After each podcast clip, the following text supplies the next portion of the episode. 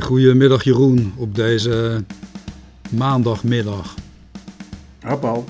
Uh, we leven in een rare wereld opeens, hè? De oorlog in Europa. Wat doet dat voor jouw wereldbeeld? Nou, het is uh, uh, wat ik met heel veel mensen deel, een soort verbijstering gelet op waar we mee zijn opgegroeid. Um, het zou niet meer gebeuren. Oorlog is in onze streken voorbij. Ik heb ook wel eens in eerdere haktakken gezegd dat de instituties in Europa uh, ook te sterk zijn over, om dat nog uh, mogelijk te maken. Uh, om, om, en sterk genoeg om oorlog te voorkomen. Maar die vanzelfsprekendheid die is nu opgelost en is plaatsgemaakt voor een gevoel van absurditeit. Ja, maar die instituties die bestaan wel binnen democratische landen, maar niet binnen een autocratisch geregeerd land natuurlijk. Ik denk dat we daar uh, ons collectief op hebben verkeken. Um, dat we, ik zal niet zeggen in een soort waan hebben geleefd.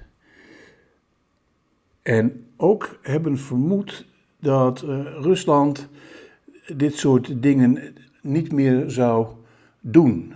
Omdat er een sterke verwestelijking optrad daar. Alleen niet, alleen niet in het hoofd van Poetin. Dat betwijfel ik, Jeroen. Uh, niet alleen in het hoofd van hem, toch in, in, de, in de eh, groep mensen om hem heen. Uh, in allerlei zakenmensen. Hij heeft zijn bedoelingen al heel snel duidelijk gemaakt. De verkiezingen waren niet reëel. Die waren niet betrouwbaar. Oppositie werd langzaam uitgeschakeld. Vrije media werden langzaam in het begin en later met meer kracht uitgeschakeld. Misschien heeft hij het wel geprobeerd in het begin. Maar zeker vanaf 2007, 2011. Het zijn twee data waarin hij belangrijke redenvoeringen heeft gegeven. 2011 de reden aan de Verenigde Naties. Maakt hij zijn bedoelingen toch wel heel duidelijk.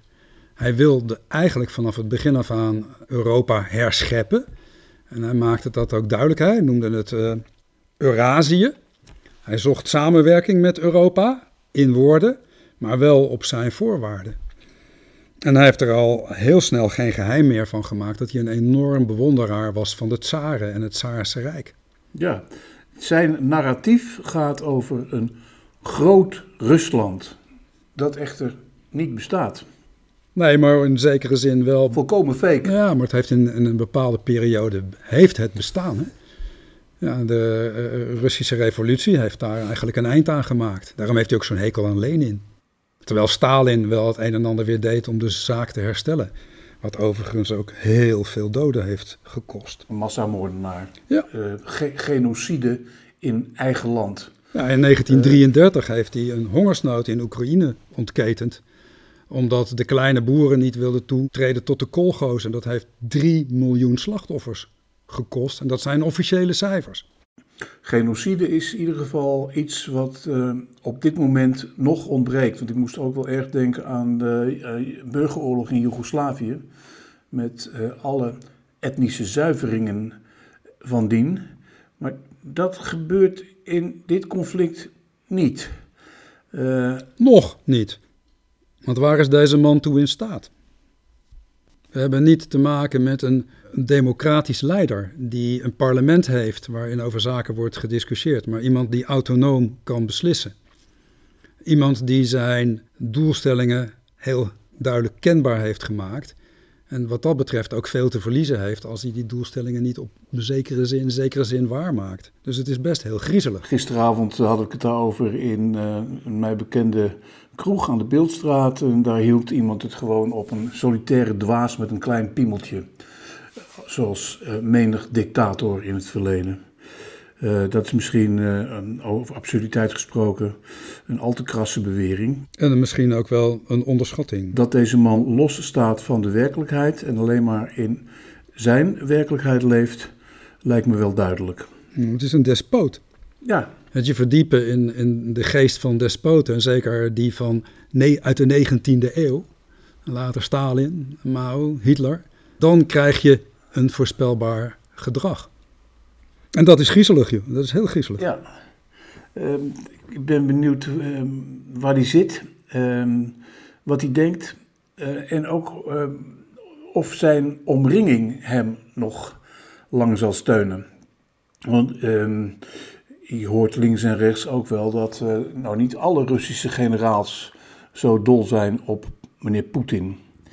En er zijn ook tekenen, dat hoorde ik gisteren onder andere in een heel interessant betoog van de voormalige correspondent van de NOS, Peter Damekoer op Max, dat de moraal van de troepen niet bijster sterk is. Uh, als het uh, nog een paar dagen tegen zit, uh, dat ehm, hun vechtlust zal afnemen. Ja, maar daar geloof ik niets van, Jeroen. Vanmiddag weten we, weten we meer als we duidelijk wordt wat er besproken is tussen de Russische en de Oekraïnse regering. Onderschat Poetin niet. Onderschat zijn generaals niet. Hij heeft niet voor niks sinds uh, 2011 gewerkt aan de opbouw van een enorm leger. Hij heeft gebouwd aan een flexibel inzetbare kernmacht, hè, tactische kernwapens. Hij heeft heel veel vliegtuigen. Hij heeft een enorme militaire macht die hij maar heel spaarzaam nu gebruikt. Wanneer gaat hij die inzetten? Eh, gaat hij dat doen? Op CNN hoorde ik een verslaggever op een brug in Kiev, mhm. waar nogal wat Russische lijken lagen. En vrachtwagens en trucks in barrels zeggen dat er uh, sprake is van een underpowered invasion. Ja, maar dat maakt het gevaar op terreur juist groter. Kijk, die Oekraïners die zijn ongelooflijk dapper. Het vind ik fantastisch om te zien hoe oude vrouwtjes Molotov-cocktails maken. En mensen, straatgevechten worden die worden natuurlijk al langer bewapend. Er dus veel, zijn veel wapens. Dat zou die misschien kunnen hebben onderschat. En wellicht ook doordat de westerse landen na de bezetting van de Krim en uh, het oosten van de Oekraïne toch heel terughoudend hebben gereageerd. Maar hij stuurde nog niet zijn beste troepen. Hij stuurt nog niet zijn vliegtuigen. Hij gebruikt nog geen uh, kruisraketten. Hoe ver zijn we van terreur? Ik, ik maak me daar wel zorgen van zorgen over. Inderdaad, natuurlijk. Uh, uh, ik, ik, vind het ook merkwaardig dat um, die, de vliegtuigen er nog niet zijn. Ik moest denken aan de, Eerste Wereld, aan de Tweede Wereldoorlog. Hoe ze Nederland uh, tot overgave hebben gedwongen door Rotterdam plat te gooien. Met een sterke waarschuwing voor Utrecht. Nou, dat is niet gebeurd.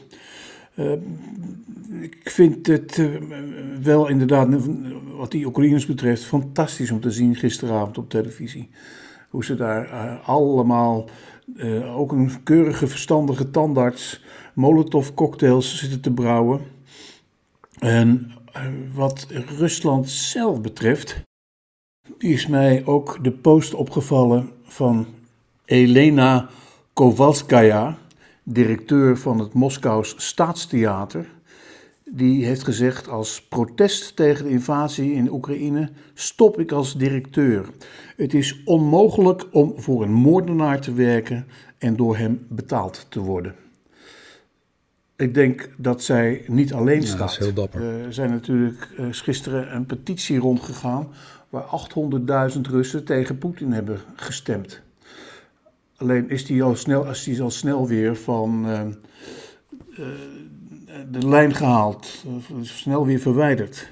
Er is natuurlijk ook in Moskou, Petersburg, uh, grote steden, daar, daar zijn ook elites die hun kinderen naar westerse scholen hebben gestuurd. Er zijn natuurlijk heel veel mensen in Rusland met verwanten, familie in de Oekraïne. Ja, die mensen die worden wel geïnformeerd, die weten wel wat speelt. Maar er zijn vele mensen die door de strakke censuur, doordat de Russische regering de media volledig onder controle houdt, ook het verhaal uh, hebben gehoord dat het de Oekraïners zijn die aanvallen. Dat er sprake is van nazi's die aan de macht zijn en het slecht gegund hebben met Rusland. Er zit trouwens ook weer iets heel raars in, hè, dat er ook wordt verwezen naar de Joden, hè, omdat Zelensky Joods is. En er wordt dan ook gezegd dat Zelensky niet zelfstandig uh, opereert als leider van van uh, Oekraïne. Dat is een propaganda waarvan we dachten dat dat nooit meer zou voorkomen. Maar die doet zijn werk. Die doet zijn werk als dat jaar in, dag in, dag uit eh, op de Russische televisie en in de Russische kranten de mensen wordt voorgeschoteld. Zeker. We hebben nu een censuur die vergelijkbaar is met die van de Nazi-Duitsland in de jaren vlak voor de oorlog en in de eerste jaren van de oorlog. Dat kranten gewoon opschrijven wat wordt gedicteerd. Zeker. Wat dat betreft denk ik, eh, behalve aan die Elena Kowalskaya, uh, aan een bredere kring. Zij, die vrouw staat natuurlijk niet alleen. Dat is een, een buitengewoon intelligente dame. je bent altijd optimistisch, Jeroen. Hè? je ziet overal de goede dingen nog gebeuren. Ja, dat, dat, is ook wel goed hoor. Dat, dat moet ook gebeuren. Maar ik wil, ik wil niet alleen uh, meehuilen met de wolven van de propaganda. Ik, ik, ik stel vast alleen uh, dat, dat er uh, nog tegenkrachten zijn. Ja, gelukkig wel. Alleen vermoedelijk een minderheid in een totaal um, voorgelogen natie als zij Damekoer ook, dat die contacten heeft in Rusland. Hij heeft nog gewoon wel uh, zijn lijnen met Rusland. Hij heeft veel vrienden in Rusland. Dat mensen toch ook wel lichtelijk beginnen in te zien en om te draaien naar uh, wat er werkelijk aan de hand is. De vraag, de vraag is alleen hoe, hoe, hoe groot dat proportioneel is, dat is één. En twee, wat de terugkeer van een heleboel Russische zonen in lijkenzakken zal doen. Uh, wat dat betreft uh, maak ik me geen illusie over Poetin. Want die man heeft, uh, zoals Damekoer ook terecht zei, geen enkele interesse in mensen. Ja, het is, het is een dictator. Het is een despoot. En we hadden straks even over terreur. Die terreur die kan zich uitoefenen naar zijn vijanden, tussen aanhalingstekens, buiten Rusland. Maar die kan zich ook binnenlands uitstrekken. Hij heeft een leger wat buitenlands opereert. En hij heeft uh, mensen, geheime diensten, daar komt hij zelf uit, uh, politie, die binnenlands snel kunnen optreden en terreur kunnen uitoefenen. Kijk eens wat er met de mensen gebeurt die de straat zijn opgegaan. Die dappere mensen, die hebben het niet lang volgehouden op straat, zitten nu in de gevangenis. Wat gebeurt er met hen? Kijk, terreur is het zaaien van angst. En een, een dictator kan tot op zekere hoogte in een land dompelen in angst.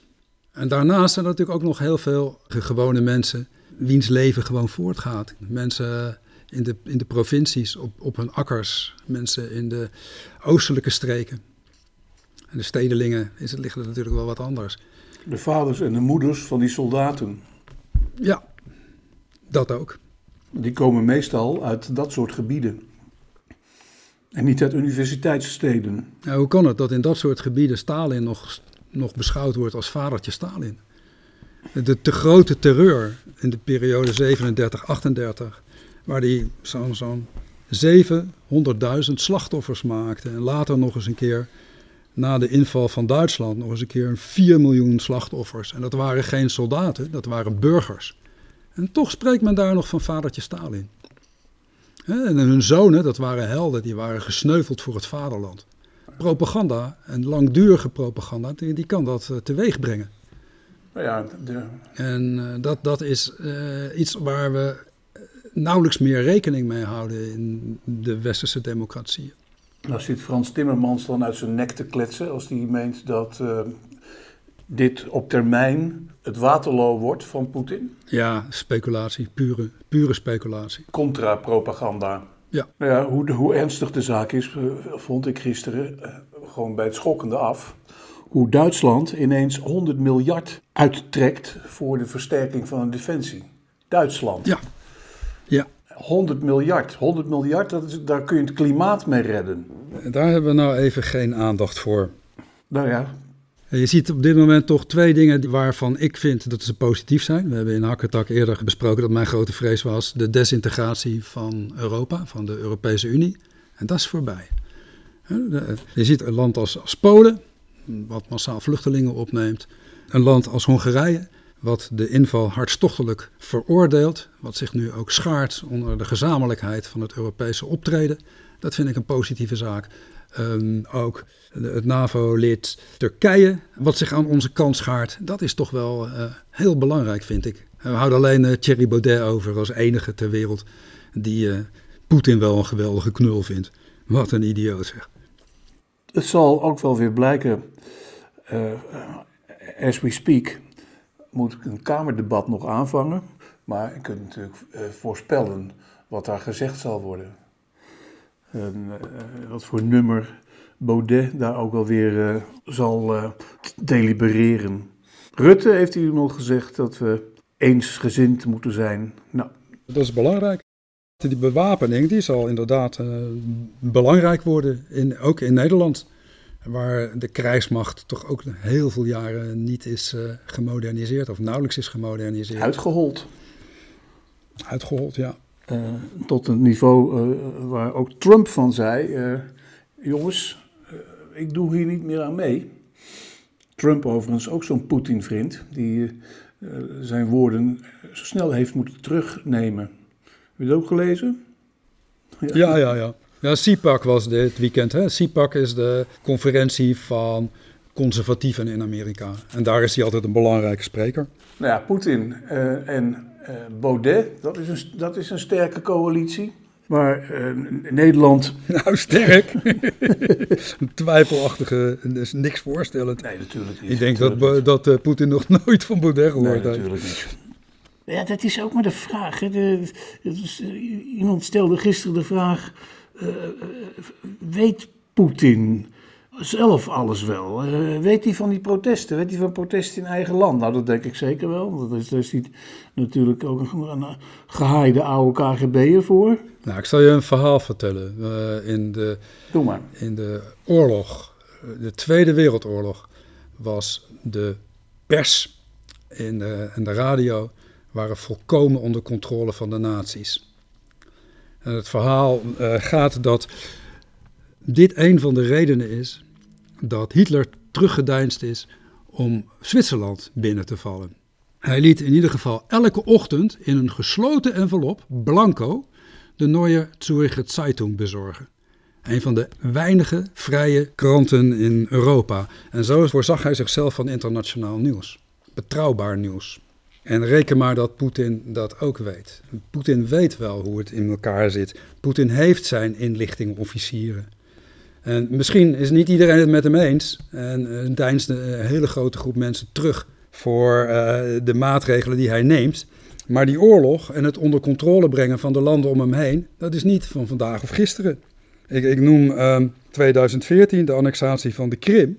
Maar veel eerder is er al oorlog geweest in Georgië. Dat zijn van die oorlogen waar wij met z'n allen in Europa. Dat zijn van die oorlogen waar wij met z'n allen in Europa een beetje lauw naar keken. Wat een, wat een, wat, wat een ver gedoe daar. En met Oekraïne komt het dichtbij, dicht bij ons. We hebben niet gereageerd, eigenlijk, of nauwelijks gereageerd op de annexatie van de Krim en de oorlog in Oost-Oekraïne. En daar vielen ook 14.000 mensen. En anderhalf miljoen mensen waren sindsdien op de vlucht. En we hebben de opstand gehad op het Maidanplein. Nou, zo heeft Poetin gereageerd.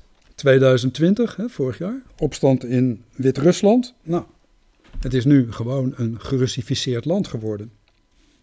Tsjetsjenië? Nee, het is al lang gaande, Jeroen.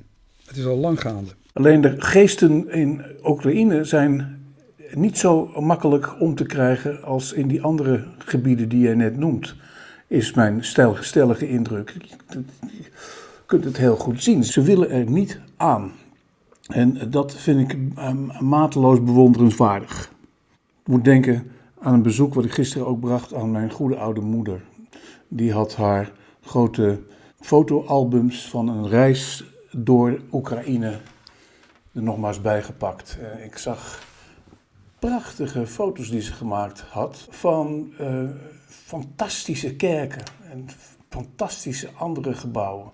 Allemaal van die, van die rode pleinachtige constructies. En er zat ook een folder bij met de term Oekraïne, a tourist gold mine. Moet je, daar toch moet je daar toch eens aan denken. Ik was ooit bij vluchtelingenstromen in Koerdistan aan de zuidelijke Turkse grens en noordelijk Irak. Het was aan het eind van de Golfoorlog.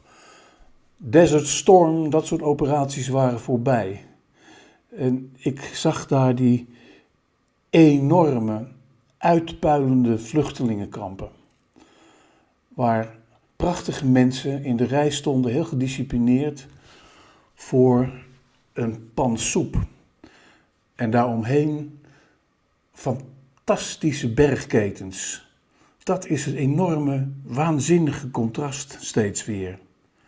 Die vluchtelingen, om dat aan te zien. Zo is het nu vergelijkbaar ook met Oekraïne. Mensen die allemaal moeten vluchten uit een prachtig. En waar mensen nu zo langzamerhand gevangen raken in de steden. Kunnen er niet meer uit. Treinen zijn overvol, wegen raken geblokkeerd. Het is uh, verschrikkelijk. Dat vind ik ook de absurditeit van alles. De opeenvolging van merkwaardige wereldgeschiedenis. Mensen die thuis moesten blijven, soms maandenlang, omdat een onzichtbare vijand ook hun landen was binnengedrongen. Covid. En nu is er een zichtbare vijand en moeten ze weer thuis blijven. Ja, maar jongen, dat is toch absoluut niet te vergelijken? Dat is toch, dat is toch absoluut geen vergelijking? Nee, nee. Dit is vrezen voor je leven, vrezen voor het leven van je familie, van je kinderen, voor iedereen. Dat is terreur, dat is op geen enkele manier te begrijpen. De mensen in Oekraïne vragen zich af waarom? Waarom? Wat hebben wij gedaan? Waarom zijn wij opnieuw slachtoffer? Eerst van Stalin, daarna van Hitler, nu van Poetin. Nou, moet je eens kijken in wat voor korte spannen in de geschiedenis dit is. Is drie generaties, misschien vier. Dus, dus je oma, je grootmoeder, je overgrootmoeder. Het zit in de familie. De, de, bevolking is ervan doordrenkt van deze verschrikkingen. En nu zit je weer in die verschrikkingen. Sommige mensen zagen het al heel lang aankomen. Hè? Het, 2003 eh, had je de, de rozenrevolutie in Georgië, in Zuid-Ossetië. En daar ontstond Abhazie uit. we hebben het 2000 al, het bombardement op Grozny gehad. Uh, we hebben de, de, de 2014, de bezetting van de Krim. Het is al heel lang gaande. Mensen die dat, die dat hebben vervoeld dat dit zou gebeuren, ja, die, zijn, die zijn extra teleurgesteld. Die mensen hebben het vervoeld en die weten nu eh, opnieuw wat het ware gezicht is van Rusland. Niet een groot tsarenrijk, maar een zootje slagers. Ik wou zeggen dat dit het ware gezicht is van dictatuur. Dat dit het ware gezicht is van een leider die heel lang aan de macht is. De essentie van democratie is dat je je leiders kunt vervangen. En dat kan daar niet. En dat is misschien toch een moment waarop je weer eens uh, beseft hoe belangrijk een EU is, hoe belangrijk democratisch functioneren is, hoe belangrijk, waar we het eerder over gehad is, respect voor je tegenstander is, eerlijke verkiezingen, vrije pers. Een pers die je niet misbruikt, maar gebruikt om betrouwbare informatie over te brengen. Dat is iets wat we hopelijk ons allemaal nu beseffen in de tijd dat ook de landen in West-Europa onder druk staan. Want wat gebeurt er als de oorlog zich daadwerkelijk gaat uitbreiden naar Estland, Letland, Litouwen? Een hele kleine corridor tussen Polen en uh, Kaliningrad. Als daar iets gebeurt, ja, wat, wat kunnen we nog? Ik vind het heel griezelig. Heel griezelig. Omdat ik dat altijd een beetje heb gevolgd. Hè? Die redes van Poetin altijd wel een beetje gelezen. En dan altijd gezien heb wat deze man van plan was. En nu komt dat op een manier tot ons die ook zelfs mij verbaast. De, deze deze uh, ontzettende hardheid. En het dreigen met kernwapens al in het allereerste begin van de strijd. Met een vertrokken gezicht. Hier zie je dus een echte dictator. Hier zie je een echte despoot aan het werk. Een man die dus, dus een terreur inzet om zichzelf te beschermen tegen binnenlandse oppositie. En uh, tegen buitenlandse besmetting van het land. He, die kleurenrevoluties, we hebben ze al genoemd. De, de rozenrevolutie, de revolutie van het Maidanplein. De revolutie die aanstaande was in Rusland zelf even, waar mensen de straat op gingen. De revolutie in Wit-Rusland. Ja, dat, dat heeft de, de man tot het uiterste getriggerd. En daarnaast natuurlijk zijn, zijn visie op een ander Europa. Een van zijn adviseurs die, die schrijft op een grote, groot verhaal nu in de Russische kranten, waar hij ook zegt: we gaan Europa herscheppen. We gaan Europa herscheppen tot een veilige omgeving voor de Russen. Ik denk de komende 24 uur heel bepalend uh, gaan worden. Van gaat die oorlog zich uitbreiden en hoe gaat hij zich uitbreiden? Ik zit te denken aan het lot van menig dictator. Ja, dat is de hoop. Dat de mensen om hem heen op een gegeven moment uh, hem verrassen. En zodat hij de woorden zal moeten uitspreken, ook gij Brutus. dat de dictator wordt vervangen. Ze zullen toch ook merken dat hun economie wordt getroffen? Ja, die economie wordt getroffen, maar dat kunnen ze wel hebben. Een, een, een land wat sterk onder druk staat en gelooft in de leider. De leider die die, die grootsheid wil herstellen. Belangrijk is natuurlijk ook dat mensen hebben heel lang hun religie niet kunnen uitoefenen. Zeker niet onder het Stalinisme. God als op, godsdienst als opium van het volk. En de band met de Russisch-Orthodoxe Kerk die is volledig hersteld. Poetin die heeft die Russisch-Orthodoxe Kerk ook weer een plek gegeven. Dat geloof, daar hebben mensen ook heel veel voor over. Hè? Dat zie je ook in, in Turkije een, beetje, waar mensen heel veel accepteren. Zo gauw er problemen waren in Syrië, zag je dat die oppositie zich ook herenigde, ook tegen de macht ging aanschurken. Dat is allemaal nog niet zo, zo makkelijk. Mensen zijn opofferingsgezind. Het, het is een soort identiteitspolitiek die daar plaatsvindt. Het herstel van het grote Rusland, ja, daar moet je wat voor over hebben, daar moet je offers voor vragen. En er is natuurlijk een officiële economie, maar er is natuurlijk ook een grote onofficiële economie. We hadden in Afghanistan hadden we de opium in, in, in, in, Rusland. Daar heb je natuurlijk ook een grote illegale economie. Niet met drugs, maar met grondstoffen en gas, uh, olie, noem maar op. Ja, je had het net ook over dat, dat geloof. Hè? Dat is, dat is uh, denk ik toch ook een hele belangrijke factor op den duur. Um, over propaganda gesproken is het nog maar sterk de vraag. Hè? Want je hebt verschillende Ruslanden. Dat, dit zeg je heel terecht. Je hebt een dictatuur en je hebt de gewone mensen. En het kan ook niet anders. We hebben internet, we hebben televisie, we hebben internationale contacten. Mensen die het land uitreizen, die hun kinderen op westerse scholen, Amerikaanse scholen doen. Uh, in Londen zitten heel veel mensen eh, uit, uit Rusland die daar educatie krijgen. Er zijn natuurlijk een hele grote groep mensen die het weten. En die, die, die beseffen dit wel, maar die zijn op dit moment machteloos. Eh, de kunstenaars, de, de, de, intellectuelen, natuurlijk.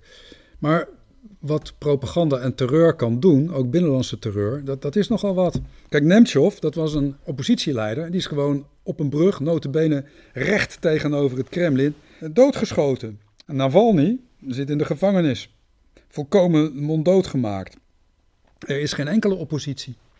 Mensen die eh, zich eh, op straat begeven om te protesteren, om iets van oppositie te laten zien, die verdwijnen onmiddellijk in de gevangenis. En die krijgen aanklachten aan hun broek, waardoor ze soms heel erg lang in die gevangenissen verdwijnen.